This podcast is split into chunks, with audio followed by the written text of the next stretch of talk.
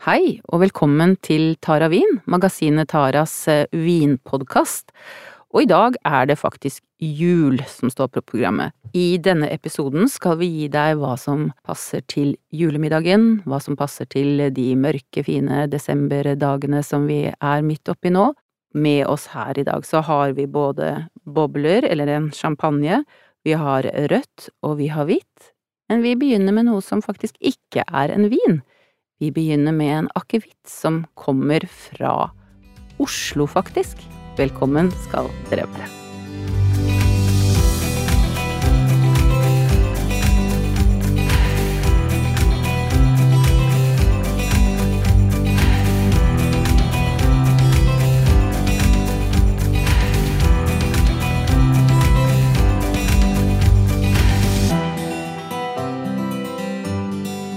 Ja, Gunhild Bjørnstid. Vi sitter her igjen. Jeg må si Gunhild Bjørnstid, selv om du egentlig bare er Gunhild for meg, da. Men du er Gunhild Bjørnstid, og du er jo Taras vinekspert og vinspaltist, og har jo vært det de siste 16 årene. Vi sier jo at dette er Tara Vin, og er jo da en vinpodkast, men i dag så skal vi begynne med noe annet. Vi skal begynne med en akevitt. Og ganske enkelt fordi den er veldig spesiell, og selvfølgelig fordi akevitt og jul hører jo sammen. Det er helt riktig. Det er mange tradisjoner eh, til julefeiringen og til julemiddagen. Øl og akevitt er det jo mange som liker, og jeg tenkte å nevne en litt spesiell akevitt eh, denne gangen her. Den har et utrolig vakkert navn, den heter Gullmunn. Og den er en ganske sånn, eh, den opprinnelsen til hvorfor den heter Gullmunn, er en lekker flaske. Dette er feminint, altså. Dette er ikke noe sånn øl og akevitt. Dette her er akevitt som er pent men hva er bakgrunnen for navnet? Denne akevitten er laget av en dame. En norsk dame som heter Marte Bøhn. Hun er vår eneste konjakkdestillatør. Man kan jo ikke reise nå, så hun får ikke reist til konjakk akkurat i denne tiden, men hun har tatt turen til Oslo Håndverksdestilleri og laget en feminin juleakevitt. Men hva er den laget på? Den er laget på mange forskjellige urter og planter som er uh, hentet i Oslo og omegn. Det er også litt mer uh, eksotiske krydder kryddere som anis og muskatnøtt og også litt tørkede appelsinskall, men hun har laget den litt lavere på alkohol, litt renere og lettere i stilen, så dette er en akevitt mange damer vil eh, like. Ja, for det, du er jo veldig opptatt av det feminine, og hvorfor, eh, hvorfor, blir denne mer feminin når du sier det, fordi det er de, akkurat det du nå nevnte, men likevel, hvorfor tror du at eh, flere kvinner nå kan tenke seg da å drikke mer akevitt, kan du drikke den uten øl, med øl, eller kan du drikke den sammen med den vanlige julematen? Du kan eh, drikke den eh, sammen med julemat, selvfølgelig. Du kan også ha den til eh, litt skalldyr spesielt, hvis man har det som en lettere middag i romjulen, for eksempel. Fordi når det er en akevitt-type som ikke har for høy alkohol, så blir det ikke denne dunsten når du lukter på glasset og skal smake på det. Det blir en renere, mer delikat smaksopplevelse som uh, gjør at man kjenner seg litt lettere. Og temperatur, hva, før var det jo sånn at akevitt alltid skulle være iskaldt, men det er ikke så viktig lenger. Uh, Marte anbefaler selv å servere gullmunn romtemperert, og det er rett og slett for å få frem alle duft- og smaksnotene.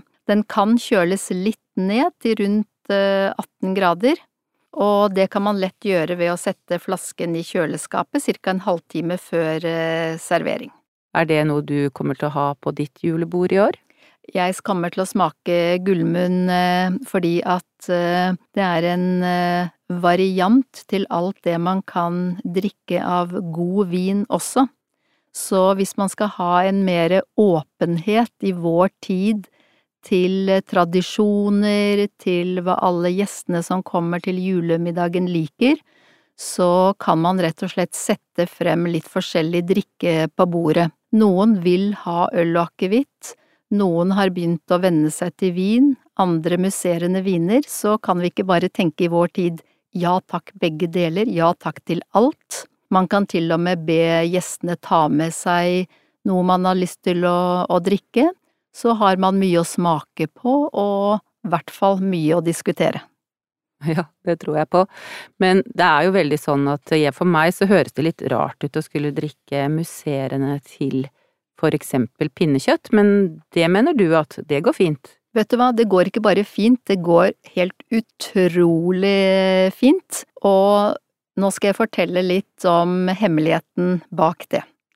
Eh, champagne smaker jo veldig godt. Det er den perfekte aperitiffen, av den enkle grunn at eh, den har et høyt innhold av syre, som får eh, tennene til å løpe i vann, spytteproduksjonen starter, man får lyst på mat. Men man får selvfølgelig også lyst på et glass champagne til, for det smaker veldig, veldig godt. Men selve vinene som en champagne er sammensatt av, denne blenden, den eh, ligger og utvikler seg på gjærceller, og i den prosessen så utvikles det som heter umami, det kaller vi også den femte smaken, og umami-preget i champagne gjør den så matvennlig, så dermed så har du champagne som er en så edel drikk til å nyte alene, men også en innertier til når man skal servere vin til mat som er litt krevende, som vår julemat ofte er, som er fett, salt, røkt, og kan få en vanlig vin til å bli for spinkel. Mm. Men du har med deg en i dag. Hvilken champagne er dette? Dette er en champagne som er laget på de røde druene, fordi eh, champagnedruene det kan jo både være chardonnay, som er en hvitvinsdrue, og to rødvinsdruer. Dette er laget på pinot noir, og produsenten heter Gonet Medeville. Det er en dame som heter Julie Medeville, som eh, lager denne gode champagnen sammen med sin mann eh, Javier og eh, den er da laget kun på eh, pinot noir, men presset forsiktig, så den er lys i fargen, selv om den går kanskje litt mer mot eh, det rosé. Men den får en fin fylde. Det blir denne ekstra smaken som gjør den veldig, veldig fin til vår julemat. Så du vil anbefale den mye mer til mat enn til en starter eller til en velkomst? Den kan, den kan, også gå til, eh, til aperitif, fordi eh, champagnen har eh, så fin syre og friskhet, og denne her er også tørr. Den har bare 5,9 gram med sukker, så det er også en veldig fin start til en aperitif. Kan du ikke si en gang til hva den heter? Den heter Gonnet Medeville Premier Cru Blanc de Noir Brut man må jo ta sats når man skal si hele navnet. Men eh, det står på etiketten, og det første, Gonnet Medeville, det er eh, familienavnet. Premier Cru, det betyr at det er veldig gode druer. Det er blant de beste. Blanc de Noir, det betyr at det er laget på rødvinsdruer. På fransk eh, Blanc de Noir, det betyr hvit av det mørke, så det vil si at du har røde druer som du har presset forsiktig så den blir lys i fargen. Og brutt, det betyr tørr stil, så denne er veldig anvendelig. Det var da en veldig bra innføring i hva som skjulte seg bak dette lange, lange navnet. Tusen takk, Gunhild. Og prisen, hva er det? Prisen på denne champagnen er 418 kroner.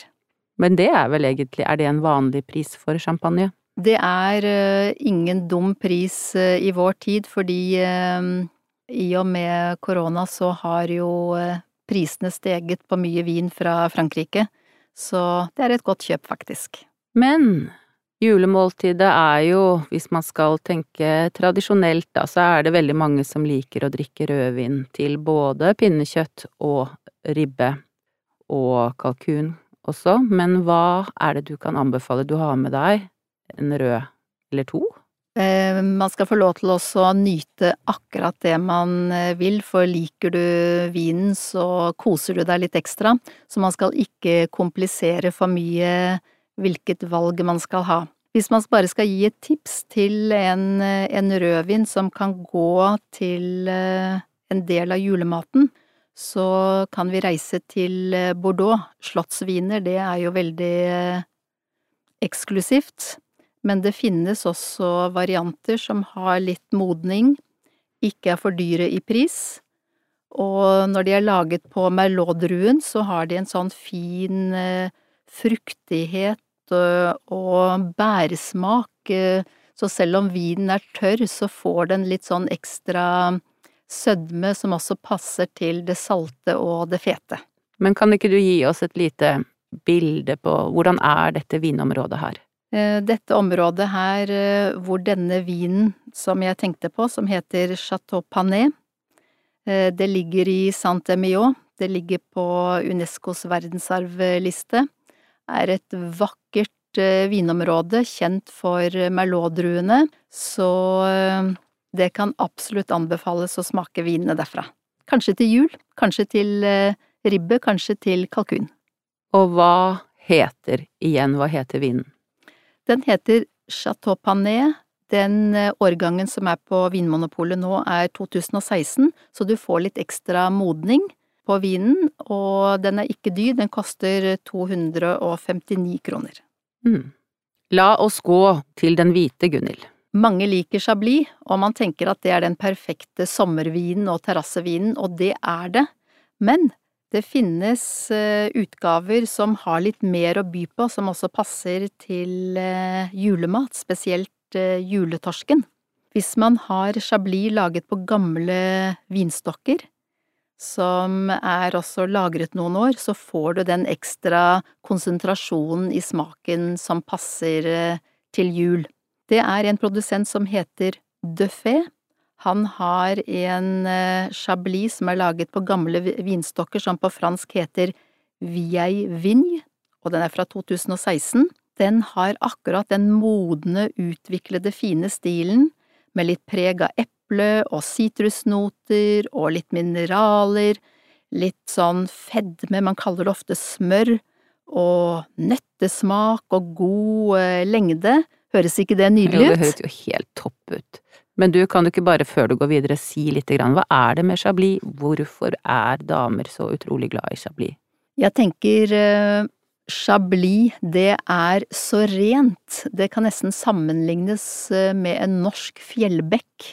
Det er så klart, men samtidig så er det så nydelig smak, det er så forfriskende.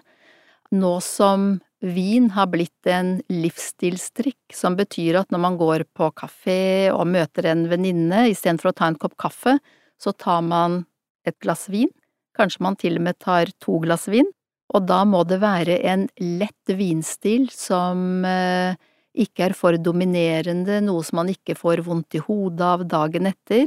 Så renheten i Chablis er eh, suksessen, men det er ikke rent at det er for lett.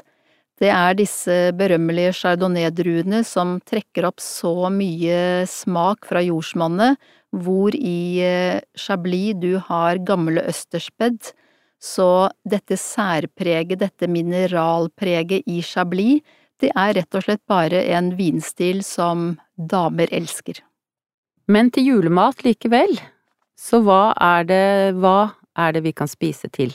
Det som eh, kan være interessant i vår tid med å tenke litt nytt med den tradisjonsrike julematen, det er å gjøre det litt mer eksklusivt. Og jeg tenker at eh, da kan man spise mer av eh, hovedråvaren og ikke så mye tilbehør. Fordi man blir veldig, veldig mett og kanskje litt tung og litt dorsk av å spise masse poteter og kålrabistappe, men ha mer disse nydelige råvarene som pinnekjøtt, ribbe, torsk videre i mindre biter, og spise mer alene. Hvis man må ha tilbehør til, så er et lite tips å ta litt sitron i for eksempel kålrabistappen, man kan også ha litt gulrøtter kokt inn for å variere litt. Også litt sitron fungerer i ertestuingen. Og hvorfor? Det smaker godt, det blir friskere, og det gjør at vinene smaker enda bedre. For du mener altså i utgangspunktet at en kålrabistappe ikke er som skapt for en hvitvin? Du kan si at uh, alle grønnsaker når de kokes, så blir de litt uh, søtere. Og det kan være litt vanskelig for uh, vin, men litt sitron gjør det friskere, og da passer det som hånd i hanske. Så du prøver egentlig nå å endre våre inngrodde julevaner? Jeg tenker det kan være spennende bare å prøve noe nytt, og så kjenne om det er noe man kan like. Bare variere det kjente litt. Så sitron kan gi svaret for å få vinen til å passe bedre til de tradisjonelle tilbøret som vi velger til julematen. Helt riktig. Veldig godt tips. Så bra. Det er jo fristende å gi tips i disse juletider, for jeg tenker jo Vi er jo veldig mye hjemme, og vi spiser jo veldig mye i hele denne måneden. Og det er jo som du sier, det er jo kanskje lurt, eller det kan jo være fristende å ikke bli overmett heller, men også få tid til å nyte smakene. Det er helt riktig, rett og slett bare ta seg litt eh, tid. Kose seg, prate sammen. Hva syns du vi skal løfte glasset for denne gangen? Det synes jeg skal være nettopp eh, det å ta seg litt tid og reflektere over hva som er viktig for hver og en denne julen. Eh, tradisjonene er så personlige, men at man også tar seg litt tid til å eh, verdsette det som er viktig. For meg, jeg liker veldig godt å høre på flott julemusikk og ha kongerøkelse, det gir en nydelig stemning. Andre liker kanskje å gå i kirke, det er spesielle ting de må sette frem, men at man unner seg både i forkant av julen og under julen å ta seg den tiden og kjenne etter hva essensen i, til denne høytiden er. Det var veldig fine ord på slutten, la oss skåle for det, og så ønsker jeg deg, Gunhild, en riktig, riktig god jul. Samme til deg, Torunn, og alle der ute, alle dere lyttere, riktig god jul. Men vi kommer tilbake, og da er det bobler som står på programmet, er det ikke det? Da skal vi sprette flaskene. Da forbereder vi oss på et nytt år. Takk for oss for denne gang.